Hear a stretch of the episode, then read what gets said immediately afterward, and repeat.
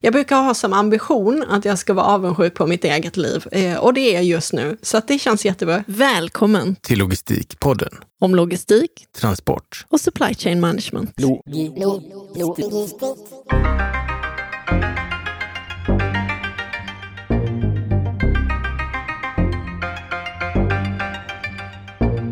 Hej och varmt välkommen till Logistikpodden där vi idag är dags för ett magasin och vi har så mycket att prata om.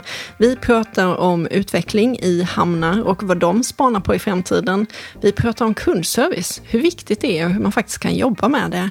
Vi pratar om en massa upplevelser som vi har haft som vi delar med oss av, bland annat eh, en massa häftiga föreläsningar och människor som vi har mött. Eh, vi pratar också om hur det är att jobba på långdistans. Funkar det egentligen och hur gör man då?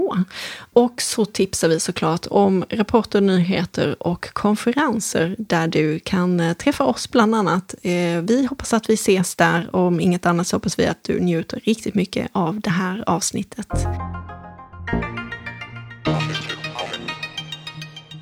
Som alltid när det är magasin så är det nästan en månad sedan vi såg sist och eh, det händer ju fantastiskt mycket. Det är höst, mycket på gång. Eh, vad har rullat igång på din planhalva, Peo?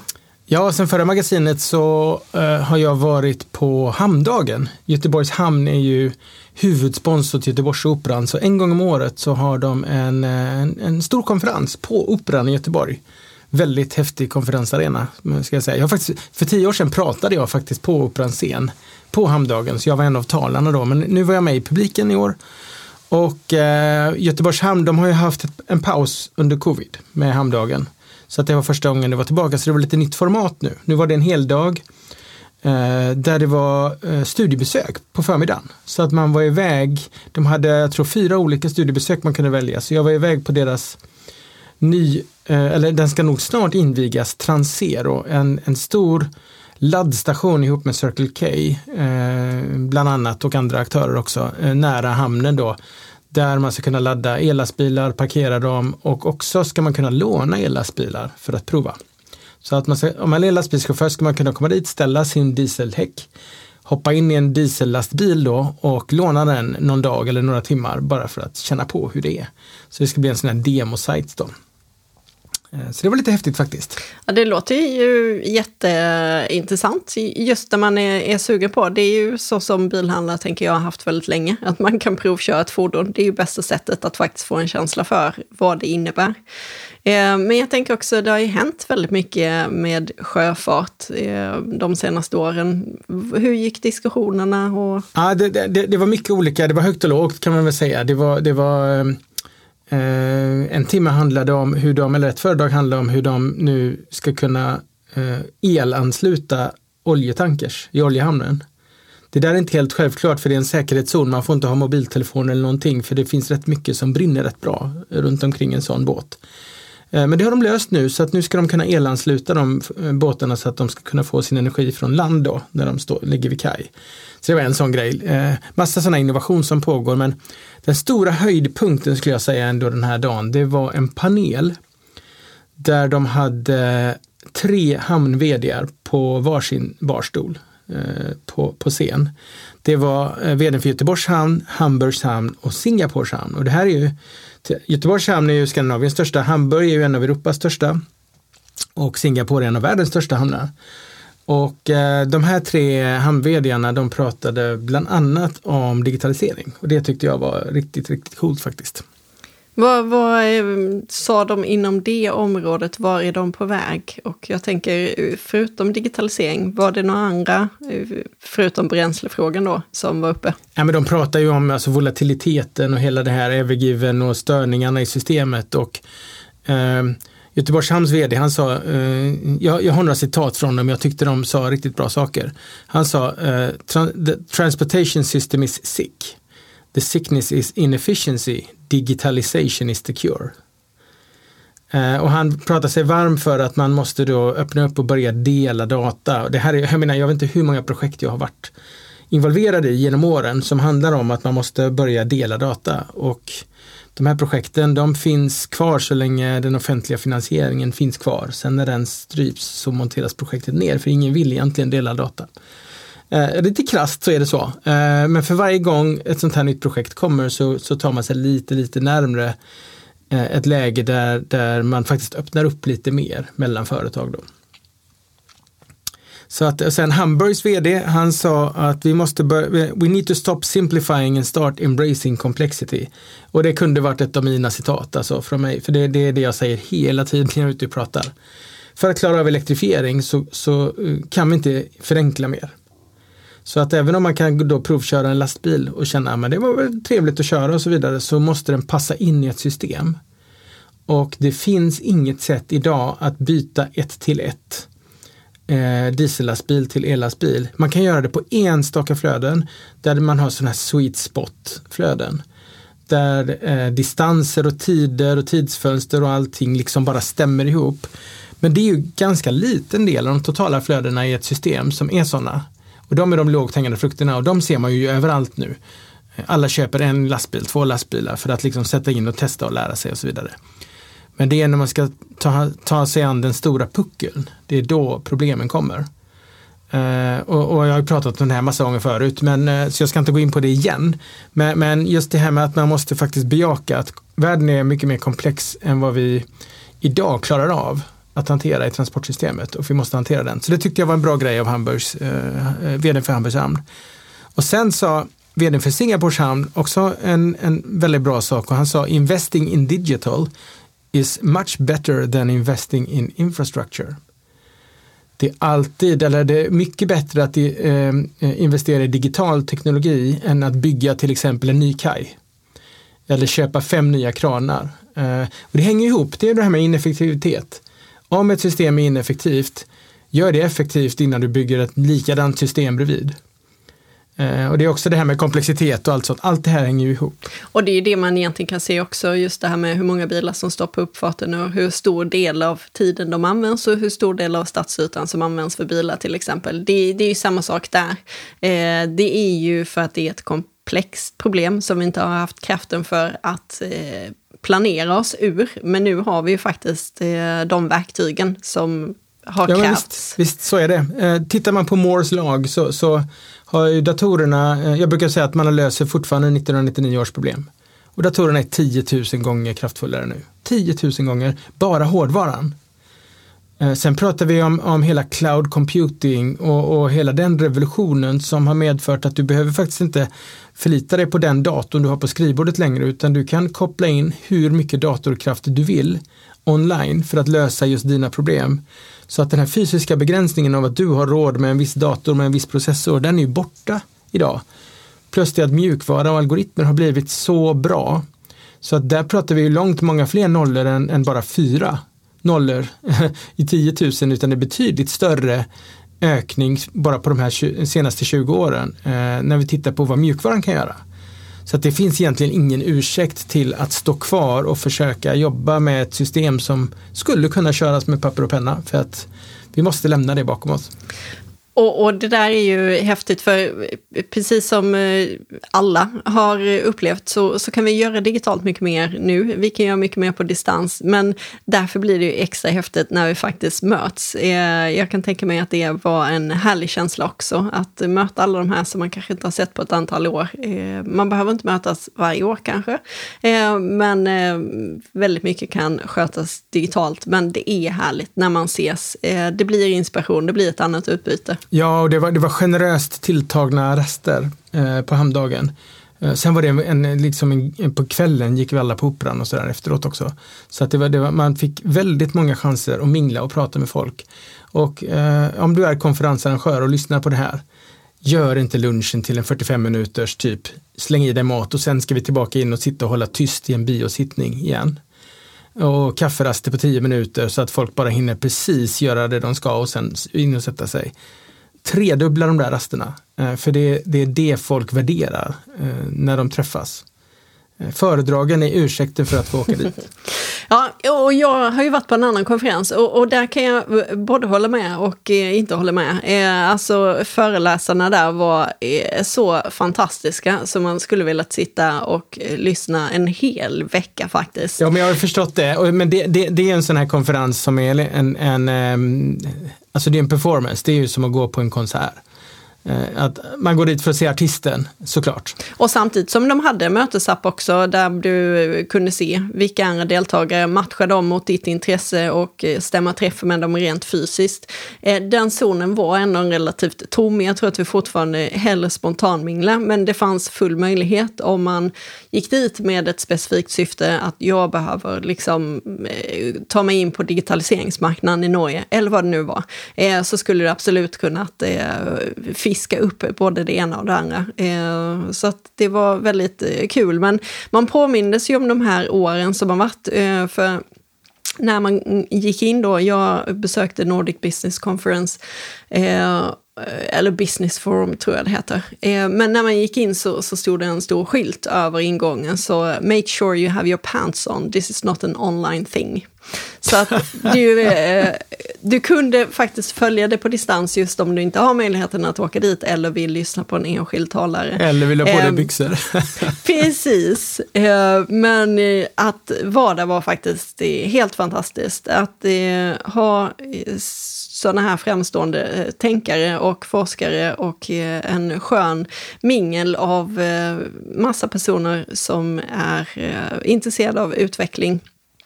De tema som fanns på konferensen var adaptability, alltså anpassningsbarhet på något sätt, eh, ledarskap, framtidens arbeten, hur kommer de se ut, kultur och eh, innovation. Så att det var ju verkligen alla de här sakerna som man behöver eh, fundera på och eh, få kanske lite ny inspiration. Man blev både påminn av sånt som man redan visste och fick med sig nya tankar. Eh, och eh, det var ju riktiga eh, så här, världsföreläsare. Så att Yuval Noah Harari var där, eh, som har skrivit Sapiens eh, och Homo Deus bland annat. Eh, Carla Harris eh, som eh, har varit, eh, ja, jobbat väldigt mycket med ledarskap och i, i företag. Eh, supercool kvinna. Sen så var ju Steve Wozniak också där faktiskt. Eh, han var inte lika imponerande, men eh, det, var ju kul att ha sett honom live. Eh, men däremot så kanske hans ja, strålande tid var förbi kan man väl säga. Jag var på Deep Purple häromdagen. Jag vill bara lägga ja. in det i diskussionen här. Så, nu kan du fortsätta prata om Steve Wozniak. jag, jag har faktiskt varit med bakom scenen med, med Deep Purple och det var lite samma känsla, så här, ja, jag känner igen låtarna så, men det, det var ett tag sedan liksom. Ja. Den, deras storhetstid är ju förbi men, men det var ju kul att höra liksom, eh, Smoke on the Water live såklart. Eh, men men det kan, jag kan tänka mig att det är lite grann med Steve Wozniak. Han var ju väldigt, väldigt viktig när Apple grundades och i de första åren och i början.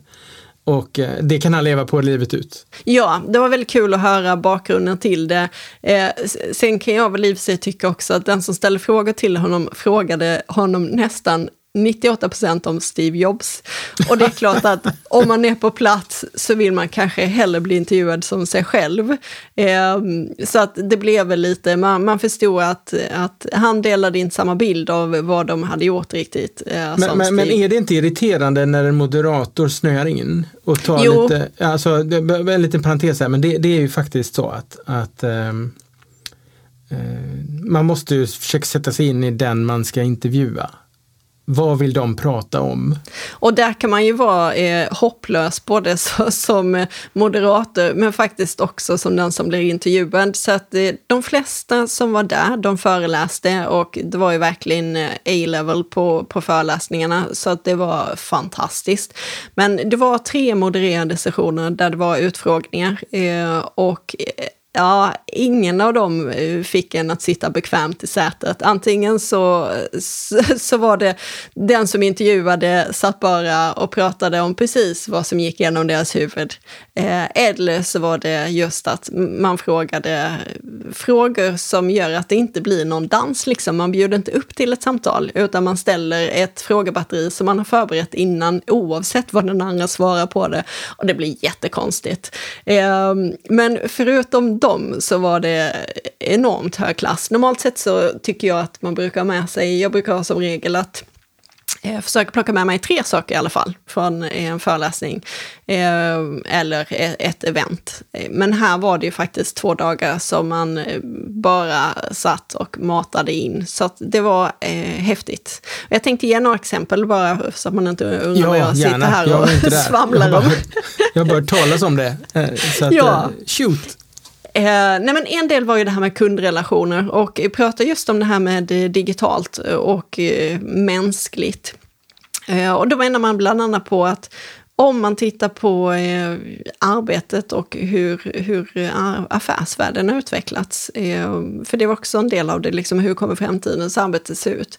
Eh, så har vi ju, vi började med att jobba med händerna, eh, sen så har vi nu under en lång period eh, tjänat pengar genom att jobba med hjärnan. Och då menar de på att det kommer ju eh, alltså automatiseringen ta över till viss del. Jag håller eh, redan på, herregud. AI, ja. det, det är ju automatisering av hjärnan. Ja. Det handlar om. Um, så att nästa steg det blir att jobba med hjärtat. Det vill säga att du behöver kunna hitta de delarna av processen där du absolut måste ha mänsklig interaktion.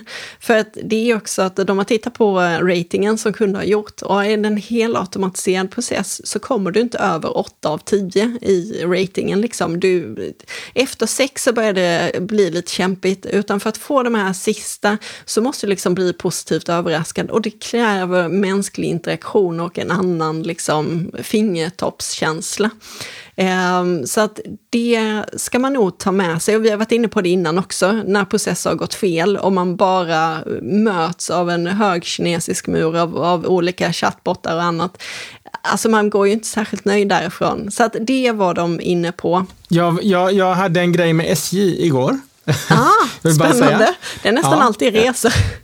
eh, det var så att eh, jag, jag reser ju friskt med SJ mellan Stockholm och Göteborg såklart. Eh, eh, och då hade jag en resa bokad för imorgon. Vi spelar in det här då lite innan ni lyssnar på det. Jag har, imorgon ska jag åka till, eller idag faktiskt, ska jag åka till Stockholm. Och jag fick boka om min biljett för ett tag sedan till en, ett tåg som går två timmar senare för jag, jag, jag hann inte med att göra det jag skulle här hemma. Så att eh, den gamla biljetten gäller inte längre. Jag fick ett sms igår där det bara stod ett tågnummer och ditt tåg har ändrad eh, vagntyp och du har nu fått en ny plats. Eh, vänliga hälsningar SJ. Och det, det var inget tid kopplat, det var bara tågnummer och datum. Eh, och då tänkte jag bara, okej, okay, då, då är det ny plats på kvällen. Då går jag in på SJs hemsida för att se platskartan, så jag vill, jag vill veta om jag kan åka framlänges, annars vill jag boka om min plats. Nej, då kan man inte se platskartan. Det enda sättet att se platskartan, och det här står till och med i deras instruktioner, enda sättet att se platskartan, det är att gå in på boka och, och boka en resa och eh, boka så att man får lov att välja plats, då kan du se platskartan. Men du kan bara se numret på lediga platser. Så jag gick in då för att boka tåget jag skulle åka med och, och, och eh, då ser jag bara en grå platskarta. Det finns inga nummer i den. Så jag kan inte ens se, okej, okay, jag inser att det här är bortom mänsklig eh, liksom förmåga att lösa det här, så jag går in på SJs chatt. Och så börjar jag, så skriver jag detta då. Typ, jag, jag har fått ett sms, eh, boka om och sådär och nu har jag fått ny plats, jag vill veta om det är framlänges. Eh, så får jag fyra alternativ. Är det det här du vill veta? Nej. Nej, får jag fyra alternativ till? Är det det här du vill veta? Nej. Eh, jag förstår inte din fråga, kan du formulera den på något annat sätt? Nej, skriver jag. Okej, okay, då kopplar jag det till en människa. Hälsa gärna från mig, säger den här chattbotten som heter något. Och, Ja, Okej, okay. då, kommer in, då, då, är det en människa som, som efter några minuter svarar, en riktig människa i chatten. Och då förklarar jag mitt problem igen då. Och då svarar den här personen då att ja, ja, ja men det här tåget går ju 16.49, det går ju inte 18.24. Eh, ja, men det är 18.24 jag har biljett liksom. Så att, eh, ja. Och så kom jag på då att ja, men för typ en månad sedan bokade jag om tiden. Den är ju borta ur min kalender och allt sånt då. Eh, men då låg den här gamla bokningen kvar och så fick jag ett sms kopplat till den. Det roliga var att personen på SJ då kunde heller inte se vilken plats det var för att eh, eh, bokningsmenyn, den var ju redan bokad så att inte ens personen på SJ kunde gå in och se vilket nummer min plats hade. Eller, eller vilken plats min, min plats hade baserat på en, en helt, en, en vagnskiss bara. För att kunna se det är man tvungen att gå igenom bokningsflödet även om man jobbar backoffice i det här systemet. Och, och, det här är ju något som man tänker så här, det känns helt absurt, men det skulle kunna uppträda. Men det är bara okej att det uppträder en gång. Sen måste man lösa det där problemet att de på backoffice i alla fall måste kunna se det och gärna hitta någon lösning för, för oss som är kunder också. Eh, så att det är inte det att det behöver vara flawless från början, men man behöver, när det dyker upp problem, så behöver man lösa den och inte bara säga ja, men det sker så sällan så att vi struntar i det, utan eh, ja, lös grundorsaken. Jag tror 2009 var det väl då SJ liksom började gå in på Twitter och sådär och började liksom exponera sig mot allmänheten. Då började jag föra en dialog med dem om att jag vill kunna boka framlängesplats. Jag vill kunna välja det. Men nu kan man bara välja fönster, gång, bord. Det är de en, eller ospecificerad. Det är det enda man kan välja som egenskaper på platsen. För jag skiter i vad platsen är bara den är framlänges på X2000 för man kräks om man åker baklänges. Och det, det gick inte då. Och då sa de det kommer inom ett år. Det sa de då typ 2010. Det kom, jag tror 2018 kom det. Att man kunde börja boka grafiskt, där man kunde se planerad färdriktning. Tidigare var man tvungen att gå in på en pdf-fil där alla numren stod. Där stod faktiskt numren, den finns inte längre den pdf-filen, trots att tågen ser likadana ut fortfarande. Så har ni en sån, håll fast vid den. Eh, och då, då, fick man prova då, plats, vagn 2, plats 34, provade man det. Nej, den var upptagen. Välj en annan plats. Okej, okay, plats två var, eh, vagn två, plats 36. Fick man prova det. Tills man hittade en som var, det här, flygindustrin har ju haft det här i 20 år. Eh, men det gick inte att lösa på eh, SJ och det är fortfarande, alltså jag tycker det är helt okej okay nu med flödet och det integrerar med Apple Wallet och kalendrar och sånt. Jag tycker det funkar smidigt, jag åker mycket tåg. Men just det här, herregud hur svårt kan det vara? Ja, men det här pratade faktiskt en av talarna också om. Hon pratade om rätt sorts fel som vi ska göra. Eh, och det är inte att alla fel är bra, för hon pratade om det här med att man ska fira eh, fel och misstag. Och hon sa att det ska man göra, men det ska vara rätt misstag. Eh, och det är de som inte har kunnat förutse och de saker som leder till ny kunskap. Så att för att det ska vara rätt sorts misstag så ska det vara en ny miljö, nya möjligheter, bygga vidare på existerande kunskaper, det vill säga du ska ta reda på att det inte redan är löst och bygga vidare på det som finns. Och så ska det vara ett så litet test som möjligt. Då sa hon att då är det rätt misstag. Då ska man fira dem eh, oavsett vad, för man har lärt sig någonting. Men då, men då, har, jag ett, då, då har jag ett tips. Om du som lyssnar på det här jobbar på SJ med, med mjukvaruutveckling eller känner någon som gör det, alltså någon av er borde känna någon. Jag ställer upp på en halvdags djupintervju av er eh, där ni får eh, borra i vad det är jag eh, är missnöjd med och varför jag tycker det borde ändras. Så lovar jag att bjuda er på champagne när ni firar sen, när ni har fixat det. Och nu har jag sagt det offentligt. Så att hör av er så ställer jag upp på den där eh, usability-intervjun. Precis. Härligt! Och, och, det där är också någonting eh, faktiskt som de pratar om, att vi kommer behöva eh, lära oss saker. Och det som är absolut mest intressant, som eh, man kanske inte tänker så mycket på, eh, det var Joval eh, som pratade om det. Han pratade om att i framtiden så kommer vi också behöva lära oss att glömma saker. Det vill säga att du kan behöva lära dig Eh, så enkla saker som att gå i en eh, eh, digital miljö, någonting som du är van vid att göra fysiskt. Så för att lära dig det nya så behöver du glömma en del av det du redan har lärt dig. Eh, och också att det här är en utmaning för att när världen förändras så kommer vi behöva förändras och vi kommer behöva lära oss nytt och vi kommer eh, tillskansa oss nya kunskaper. Men vi kommer då också behöva glömma en del av det vi har gjort. Och det här eh, kräver eh, både en strategi och ett kapital. För att vem ska betala för när eh, invånarna faktiskt eh, utvecklas? Eh, det kräver också sin satsning, så att det är någonting, hela det här som vi brukar prata om, utbildning och lärande, är ju en väldigt, väldigt stor fråga för framtiden. Och jag måste säga att Joval, jag har inte läst hans böcker och intressant nog pratade med min man som har läst hans böcker.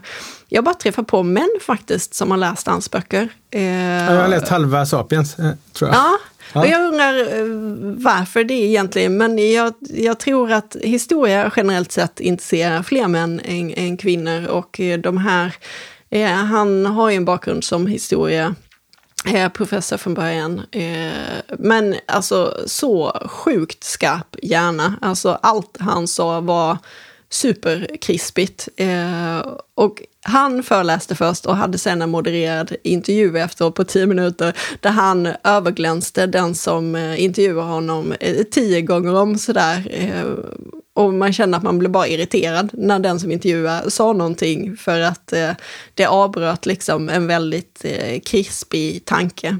Men eh, allt som allt eh, kan jag ju säga att att ta sig till Oslo är ju lätt eh, för oss som bor i Göteborg, men konferensen går också i Helsingfors så att man kan ta båten över, man behöver inte flyga, utan eh, istället så får man eh, riktigt top notch eh, talare. Om man vill få inspiration och eh, behöver lite ny input så, så kan jag varmt rekommendera det. Men jag har en fråga till dig då. Vad sa Steve Wozniak om Steve Jobs? Om han nu fick bara frågor om Steve Jobs hela tiden? Det måste ju varit intressant då eftersom moderatorn fortsatte att pusha. Ja, e- egentligen var ju svaren inte intressanta, för det var ju en typisk sån här där moderaterna har tänkt sig några frågor från början. Steve var väl rätt så tydlig med att han tyckte att eh, den andra Steve, alltså Jobs eh, roll, inte hade varit så stor. Han gjorde väldigt tydligt om att det var han eh, som uppfann liksom själva den datorn som grundade bolaget. Sen sa han att Steve Jobs var duktig på att komma med eh, eh, vad heter de, eh, MP3-spelarna. iPoden ja. Ja, ja, ja. precis. Ja, det, ja, det, det, är en var... klassisk historia, hur de gjorde. Det där är ju, det, det där är en supply chain-vinst de gjorde. De, de, de blockade ju alla andra från att få tag på den här hårddisken som var liksom huvuddelen i det de kunde göra. Mycket större lagringsutrymme eh, men inte lika mycket större pris. För flashminne var ju väldigt dyrt då. Så de gjorde ju en deal med Toshiba kring exklusivitet. Det där är, det är en supply chain grej blocka dina konkurrenter för att få tag på komponenter. Precis, så att det han gjorde väldigt tydligt var ju att han var gärna bakom allt det tekniska och det var tack vare honom som eh, grunden hade bildats i det här bolaget. Men eh, Steve Jobs då enligt han var den som hade varit frontmannen och sen förenklat de här delarna. Eh, så att det, det ja, Typ, det, det, det kändes lite underligt efteråt eh, faktiskt. Jag kan förstå att man blir irriterad på den typen, men jag tyckte ändå att ja, man kanske hade kunnat ge en lite mer nyanserad bild och sen så ledde in det på annat. Men eh, han var väldigt trött på det. Han, han, jag tror att han var glad att fortfarande få resa runt och eh, prata om det här eh, och eh, prata om hur han satt i ett garage med andra tekniker och löste det här. Ehm, mm. Ja, men det här är ju hans meal ticket resten av livet såklart att, att kunna prata om det här. Och den här, men den här, om vi ska lyfta det där lite grann så, nu hörde ju inte jag honom, men, men det finns ju en konflikt mellan de som utvecklar någonting tekniskt, ingenjörerna, som ser bara att jag utvecklar det här för att jag kan. Och sen har vi Steve Jobs som är, var otroligt, alltså nästan maniskt fokuserad på användarnytta och upplevelse. Experience, det var ju det, allting handlar om det. Hade man bara gjort en bra dator så hade, man in, så hade man inte kunnat sälja den. Jag vet det finns ett känt klipp på när Steve Jobs får en fråga av en ingenjör eh, kopplat till prestanda och sådär. Eh, och, och där Steve Jobs i princip eh, håller ett långt svar där han säger att det handlar om upplevelser, vi säljer upplevelser, vi säljer inte teknisk prestanda. Eh, för gör man det då tävlar man på fel nivå. Och det är, det är precis den insikten som man har om man, om man liksom ser vad Apple har gjort det är inte, de, de gör massa teknisk innovation men det är inte det utan det är paketeringen av den som är den viktiga. Och det tycker jag att, att man ser flera exempel på. Alltså Spotify är ju en annan, Google är en annan. Så här, när man gör någonting eh, väldigt enkelt. Eh, alltså musiken har ju funnits innan och, och, att kunna söka på saker på nätet har ju funnits innan också.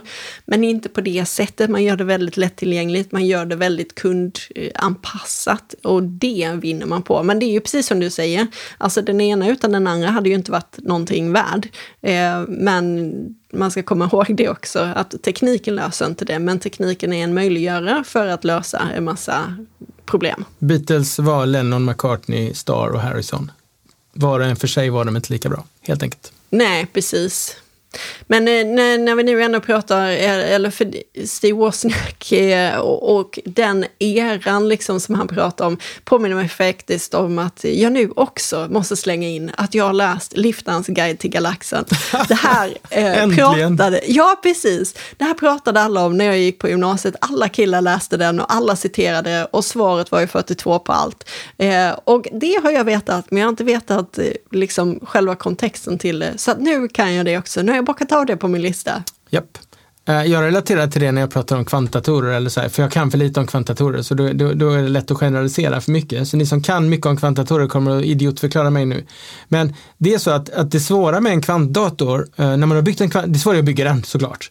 För att den är, det blir massa osäkerheter, de här kubitarna är inte helt tillförlitliga och sådär. Men låt säga att du kan bygga en kvantdator, eh, då programmerar du inte den så som du programmerar en vanlig dator där du har eh, liksom, mm, ganska logisk process. Du berättar vilka steg datorn ska utföra en beräkning och så utförs den här beräkningen. Utan eh, det svåra är att ställa frågan till kvantdatorn. Och det är precis som lyfte, alltså svaret, när du väl har ställt frågan, då kommer ju svaret direkt eh, från kvantdatorn. Det svåra är att formulera frågan, att programmera den på ett sådant sätt så att svaret makes sense när det kommer tillbaka. Och, och, det är det. Jag, det, jag kallar det för lyftarens guide till galaxen-problemet. Alltså, uh, the answer is 42, but the question is what about the question? Ungefär. Just det. Och det där är ju jättebra. För att ställa bra frågor är väldigt svårt. Så man kanske faktiskt, eh, alltså man kanske bortser från det. Men eh, det blir väldigt tydligt när man får svaret om man har ställt rätt fråga. Så att, men eh, vad folk inte vet om just nu, det är att du faktiskt, eh, eller vi ska säga så här, när vi spelar in de här avsnitten så sitter vi ju inte i samma rum. Det har vi aldrig gjort när vi har spelat in ett magasinsavsnitt tror jag. Vi sitter på varsin kammare och spelar in i varsin inspelningsapparat och sen så mixas det här ihop till ett avsnitt. Och då kan man ju sitta var som helst på vår kära planet. Eller hur Nina? Precis, och det kan man ju göra generellt sett faktiskt nu också. Eh, väldigt mycket funkar väldigt bra på distans. Eh, och det här var vi ju tvungna tvungna att göra ett litet empiriskt experiment på såklart. Eh, så att jag försöker ju undvika att eh, flyga om jag inte verkligen behöver. Men när jag väl flyger så tänker jag att jag ska göra så mycket som möjligt av det. Eh, så att just nu så jobbar jag på långdistans helt enkelt. Från Teneriffa där jag befinner mig med min familj i fem veckor. Och nu är vi halvvägs in, så vi har varit här i två och en halv vecka. Barnen går på Svenska skolan här, vilket jag får ge en stor eloge. Eh, de är så proffsiga på att ta emot eh, elever och eh, barnen tycker det är så kul så att de helst vill gå på, på helger och lediga dagar också. Men det går faktiskt alldeles, alldeles ypperligt. Eh, man får en vardag med en eh, guldkant. Eh, det är ju precis som hemma. De går i skolan, vi jobbar. Kopplar upp oss härifrån till alla möten som vi har. Det är en timmes tidsskillnad. Så att när klockan är åtta hemma så är klockan sju här. Och det var då vi började spela in det här poddavsnittet. Så att det, fördelen med det är ju att när det är eftermiddag här så, så börjar det liksom, eh, ja, lugna ner sig och eh, då går man ner till stranden helt enkelt och eh, tar lite bad och spelar lite beachvolley och annat. Så att det, det är en guldkant på en vardag helt enkelt. Men det ja, går alldeles ypperligt. Sen får man ju med sig lite upplevelser också. Eh, häromdagen så skulle jag gå längs med vattnet. Eh, jag hade blivit rekommenderad en promenad då. Så att jag gav mig iväg och efter två timmar skulle jag ta mig tillbaka. Så tänkte jag, ja men jag får ta eh, taxi eller buss. Det fanns ingen taxi. Eh, och så letade jag upp en busstation eh, och eh, då fanns det en QR-kod som man kunde skanna och jag bara, ja, men det här verkar ju lovande. Jag kunde se tidtabellen och sen så fanns det också fliken, här kan du köpa biljett. Eh, och när man tittar på den så var det helt tomt på kartan. Så att jag gick runt i butikerna i närheten och frågade, hej hur kan jag köpa en bussbiljett? Och de bara, Nej, man kunde göra det här innan, men det kan man inte göra nu längre. Nej, nej. Så gick jag runt och frågade så tänkte, nej, men jag får väl gå till nästa busshållplats. Eh, bussarna kom och de åkte så här. Eh, och så eh, frågade jag en del som stod vid busshållplatsen också, men de hade inte heller någon koll. Eh, tills jag träffade på ett engelskt par, de bara, jo men man kan köpa på bussen. Jag bara, gött. Kommer nästa buss, jag går på, bara, han pekar på min mun, bara fan, du måste ha munskydd. Eh, vilket man inte behöver eh, i taxi eller någonting annat här. Så då fick jag gav igen, leta upp närmaste apotek, köpa munskydd. Sen kunde jag gå på, lösa min biljett och komma hem. Ja, det, men det är äventyren man minns? Ja, precis. Det är lärande. Nu vet jag eh, hur man åker buss, så att det blir väldigt enkelt nästa gång helt enkelt. Så, vilka, vilka grejer du varit med om, bara sen sist. ja, precis. Uh, jag har då... varit på en konferens, uh, hopp, det var jag det. Fast du brukar ha varit på typ tio konferenser och jag har varit hemma. Uh, så att, ja, nu är det lite omvända roller. men ja, nej men det häftigt att eh, få vara med om eh, alla de här sakerna faktiskt. Det, och jag brukar, jag brukar ha som ambition att jag ska vara avundsjuk på mitt eget liv. Eh, och det är jag just nu. Så det känns jättebra. Det var ett bra citat faktiskt. Det ska jag ta. Jag har, jag har samlat på mig sådana här livsregler. Jag är uppe i 11 eller 12 nu tror jag. Aha, spännande. Det måste du ju dela den här eh, listan då nästa gång. Ja, kanske, eller delar av den i alla fall. Men, men eh, ja, det finns en lista. Eh, men den här var ju bra. Ehm, jag, jag, vill, jag har som ambition att bli avundsjuk på mitt eget liv. Ja, eh, Fantastiskt bra att, formulerat. För då har man inte liksom skjutit någonting på framtiden och inte massa drömmar, utan man lever så som man vill leva. Eh, för man vet ju faktiskt inte vad som händer från en dag till en annan. Det, ja, nej, och, och de här livsreglerna, jag har funderat på någon gång att sammanställa dem på något sätt. exakt hur vet jag inte riktigt. Men jag kan se en sån cool broderad tavla. Den liksom eh, moderna varianten. Ja, Men den kanske, kanske egentligen ska special, vara 3D-printad. En special eh, poddavsnittsserie med 12 avsnitt. Ja. En om varje. Ett Just. om varje. Eller något det sånt. kanske blir inte. årets julkalender. Ja, någonting sånt. Livsvisdomar. No, Men Men eh, sen, sen sist så har vi faktiskt eh, släppt en, eh, en intervju också. Ja, och den var jätteintressant.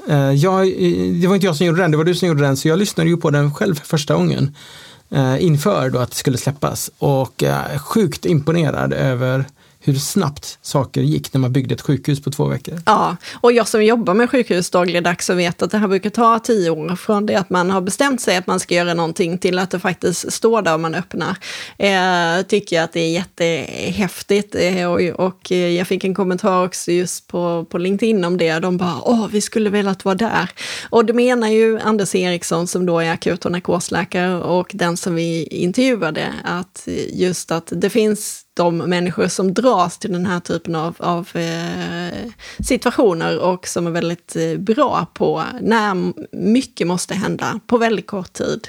Eh, och det är ju fascinerande Eh, jag tycker det, alltså i den här världen där det finns en massa stora utmaningar som vi måste lösa, så blir jag glad varje gång man får ett sånt här exempel på att när det väl gäller, då kan vi vara väldigt spetsiga och väldigt duktiga på att lösa eh, relativt komplexa problem. Eh, både utan liksom enorma resurstillgångar, utan du får liksom fixa allt eftersom när du får tag i saker. Eh, men också med, med ett väldigt tydligt fokus. Eh, så att det är ju eh, oavsett eh, vilken typ av projekt man har i sin organisation så kan man lära sig någonting av den här intervjun. Så att jag tycker att man ska lyssna på hur de jobbade Eh, sen så finns det alltid utmaningar. Jag tycker just det här med kommunikation är en sak som alltid är... Alltså hur kommunicerar man tillräckligt, inte för mycket och på ett, eh, ett sätt som passar eh, många. Ehm, det tycker jag fortfarande är eh, en utmaning för att vi vill ha det olika. Ehm, vill man ha det i en chatt, vill man ha ett mejl, vill man att någon eh, faktiskt plockar upp en telefon och pratar med en. Ehm, så det där tycker jag, har ni några bra eh, tips och tankar om hur ni jobbar i er miljö så får ni jättegärna dela med er av det. Ja, nej, jag tyckte det var intressant och just, jag relaterar tillbaka till gamla avsnitt vi har gjort då med Johanna Linder bland annat. Hon har varit med ett par gånger i podden från Läkare Utan Gränser. För Anders nämnde ju i, en förbi, i förbifarten att han hade varit på Läkare Utan Gränser och så vidare. Den typen av problem dyker ju upp där och är rutin där. Som, som Johanna sa i någon av intervjuerna vi har gjort med henne att, att man befinner sig i en krissituation men man befinner sig inte i kris själv. När man är där. Eh, men situationen runt omkring dig är en kris. Ja, och hon pratar ju också om det där att då blir det fokus på basal logistik. Så att eh, hon kunde också eh, då i den kontexten när den var färdig blev, bli sugen på mer komplexa logistikproblem som ofta upp, uppkommer under en längre tid på något sätt. Det där akuta är ju väldigt mycket eh, etta, nolla liksom. Du behöver bara fixa. Det finns ett mål eh, och det är väldigt tydligt. Eh, men när det börjar ha, eh, som det nästan alltid finns i logistiken, en massa olika mål och olika eh, tidpunkter och olika intressen, då kan det ju bli komplext på ett annat sätt. Ja, men så är det. Eh, och, och, en sak som vi lär ut till studenter eh, kopplat till det där, det är när man pratar om produktlivscykler. Alltså en, en produkt lanseras och sen, sen ska den leva ett antal år innan den, den får chans att liksom fasas ut och ersättas av en ny produkt. Då. En ny bilmodell eller en ny telefonmodell eller vad det nu kan vara. Och under den första tillväxtfasen, introduktionsfas och tillväxtfas av en ny produkt, då är man i det läget att eh, man löser väldigt, väldigt basala problem. Man ser till att få ut produkten på marknaden. Man struntar egentligen i vad det kostar då. Eh, det är först när man börjar få upp stabil volym som man börjar liksom, då kommer logistikerna in och börjar skala procentsatser och börjar optimera lagersaldon och partiformera och allt sånt där. Det kommer liksom sen när man har en, när produkten sen ska leva under kanske många år och vara en kassako för ditt företag då är det inte okej okay att flyga grejer bara för att det skulle vara slut i Spanien. Utan då får man se till så att man, man löser det problemet långsiktigt. Så att man ser samma sak i företagsvärlden som man ser eh, här då i, i Anders Erikssons exempel, fast tidsskalan kanske är tio gånger längre. Eh, men, men, men det, eller kanske, ja, den är väldigt mycket längre i alla fall. Och, och, eh, men mekanismerna finns där. Men eh, nej, precis. Jag, jag tycker att eh, intervjun poängterar väldigt mycket av, av de här eh, grundläggande eh, sakerna som måste vara på plats. Eh, och precis som du är inne på så eh, behöver det finnas, men ibland är det också andra saker som eh, spelar roll. Eller just också, tycker jag, att någonting som många glömmer bort, men som är väldigt viktigt att ta med sig. I ett byggprojekt så är det så tydligt att det genomgår olika faser, men oavsett vilket projekt du har, så har man olika faser. Och det kan också kräva olika kompetenser och olika personer är rätt i olika faser. Eh, för jag tycker ofta det blir en, en stor grej när man eh, kanske byter personal i ett projekt eller någonting. Då, då anser man alltid liksom att, jaha, har inte den gjort ett bra jobb? Nej, men det handlar inte om det. Men den kanske är en jättebra kickstarter, men den är inte en bra implementerare. Eh, eller har inte intresse och eh, utan är bättre någon annanstans. Eh, och det där tycker jag man ska ha med sig också. Ja, men det är helt, helt rätt. Eh, jag är en sån startare också. Ja, och det är jag, jag också. Jag drar igång saker och ser potential, eh, hitta, hittar vilka, vilka som behöver vara inblandade, se till så att rätt personer får reda på rätt saker och, eh, och dra igång. Eh, sen finns det personer som älskar att checka i to-do-listor och se till att allt blir gjort och verkligen vara säker på att man får en ihopknuten säck i slutet det är inte min kärnkompetens eh, riktigt så, utan jag, jag, jag startar grejer som en podd till exempel för åtta år sedan och nu håller vi på. jag ser ingen hopknuten säck än på ett bra tag så att eh, liksom eh, Nej, men jag, jag är ju kul fortsätter jag. Ja. Precis eh, samma. Jag tycker det är kul när det är komplext och stökigt och krångligt och, och, det behövs klarhet och folk har olika uppfattningar om saker och det är många parter som måste prata med varandra. Sen när det finns en, en struktur, jag gör gärna de där listorna, men precis som du, efter att man har bockat i dem de första tre rundorna och har testat att det funkar, eh, då lämnar jag gärna över till någon annan också. För att eh, jag, är liksom, jag är bra på de första 80 procenten, eh, jag kan göra de sista 20 procenten också, men inte med samma eh, entusiasm kan man väl säga.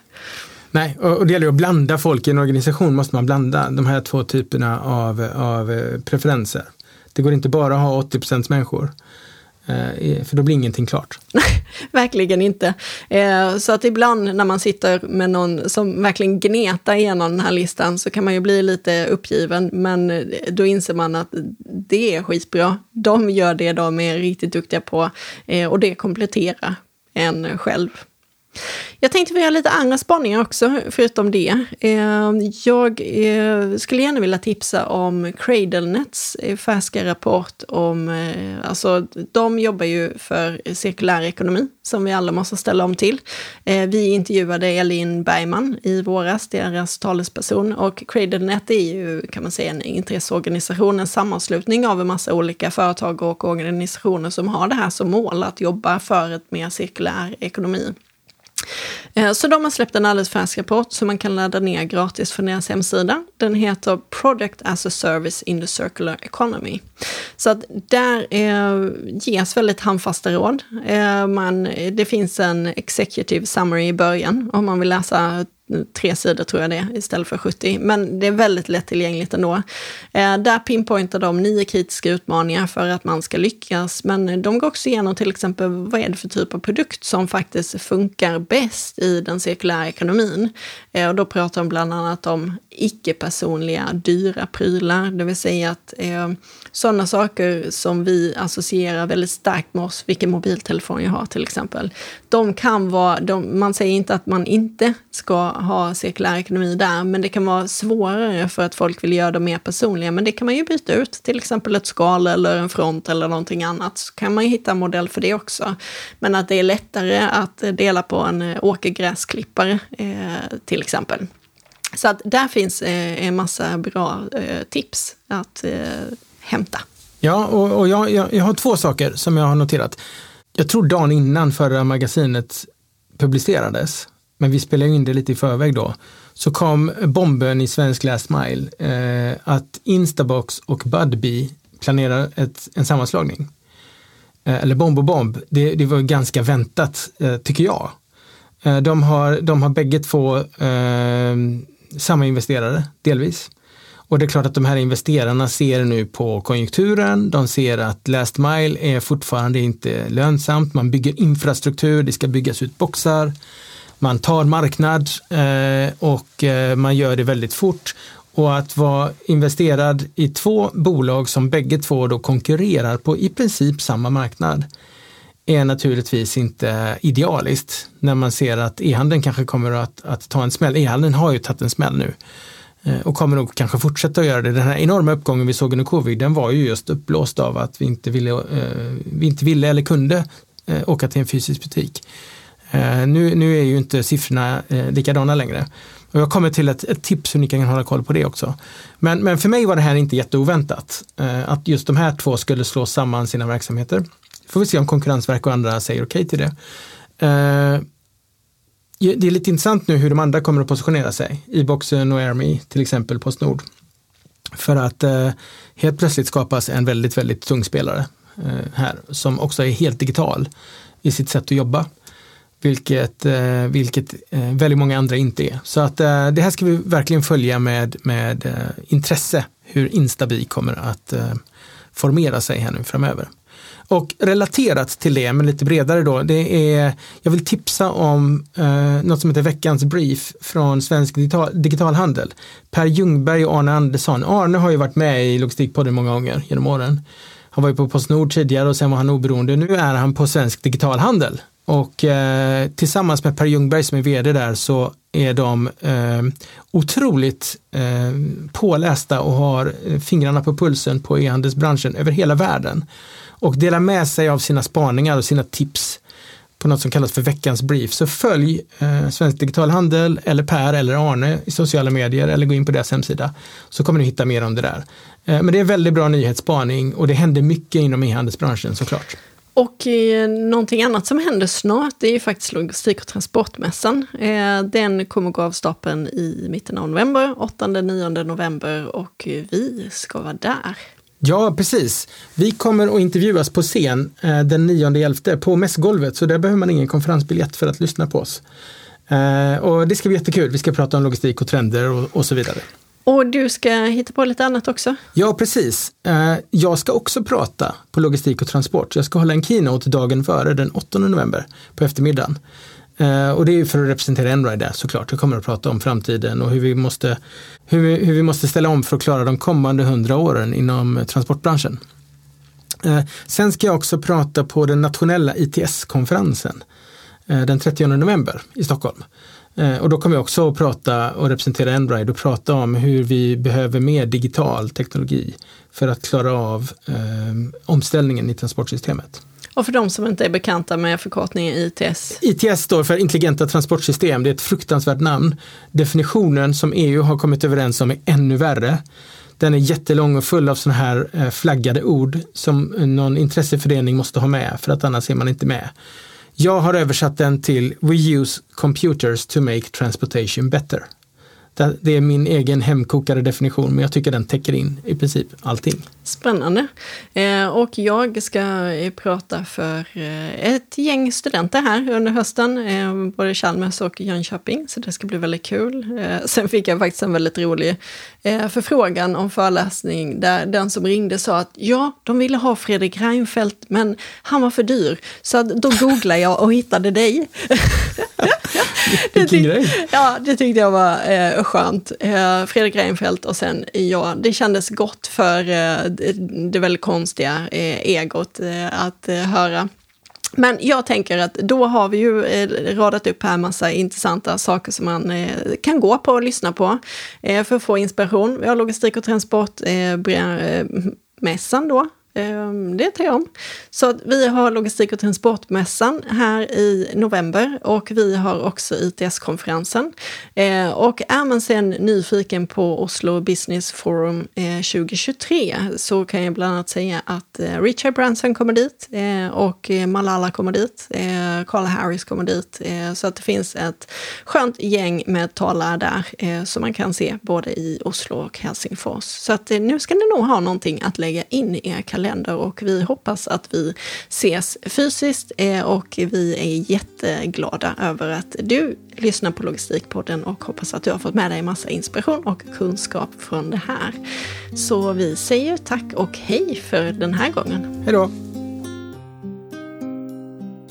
Varmt tack för att du har valt att lyssna på Logistikpodden.